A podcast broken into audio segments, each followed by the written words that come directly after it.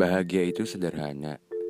Ketika kita mampu buat terima diri kita sendiri dan lingkungan kita apa adanya, tanpa nyalain diri sendiri atas keadaan itu.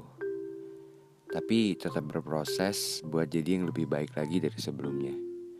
Ya, tentunya perubahan itu dijadikan sebagai upgrade dari yang sebelumnya tanpa ngubah jati diri kita. Bahagia itu sederhana melihat senyumnya dan kemudian aku tersenyum. Bahagia sebenarnya nggak perlu dicari, karena bahagia ya ada di diri kamu sendiri. Bagaimana cara kalian nanggepin hidup dan bagaimana cara kalian menghadapi kenyataan. Bahagia kan bukan berarti selalu dapat apa yang kita mau, tapi bahagia itu ketika kita mampu mensyukuri semua yang telah kita dapetin. Ya, walaupun sekecil apa pun itu uh, gak ada kalimat uh, semua akan indah pada waktunya. Karena setiap hari juga kelihatan indah kalau kita pintar bersyukur. Halo semua, balik lagi di podcastnya Ojan.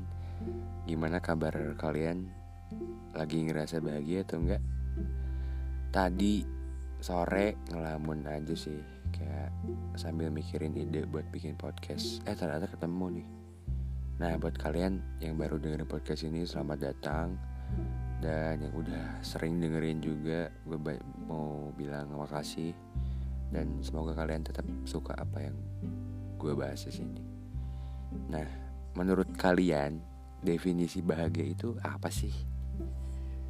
Bahagia itu menurut gue ya di saat kita mengerti saat kita mengerti atas apa pun yang terjadi sama diri kamu sendiri, di saat kita nggak ngerti, pasti kita kehilangan kebahagiaan dan selalu dihantui rasa takut, sedih dan lain-lain.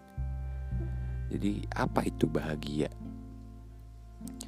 Saat kita ngerti apa penyebab kita nggak dapat uang, saat kita ngerti uang cuma alat bukan sumber kebahagiaan.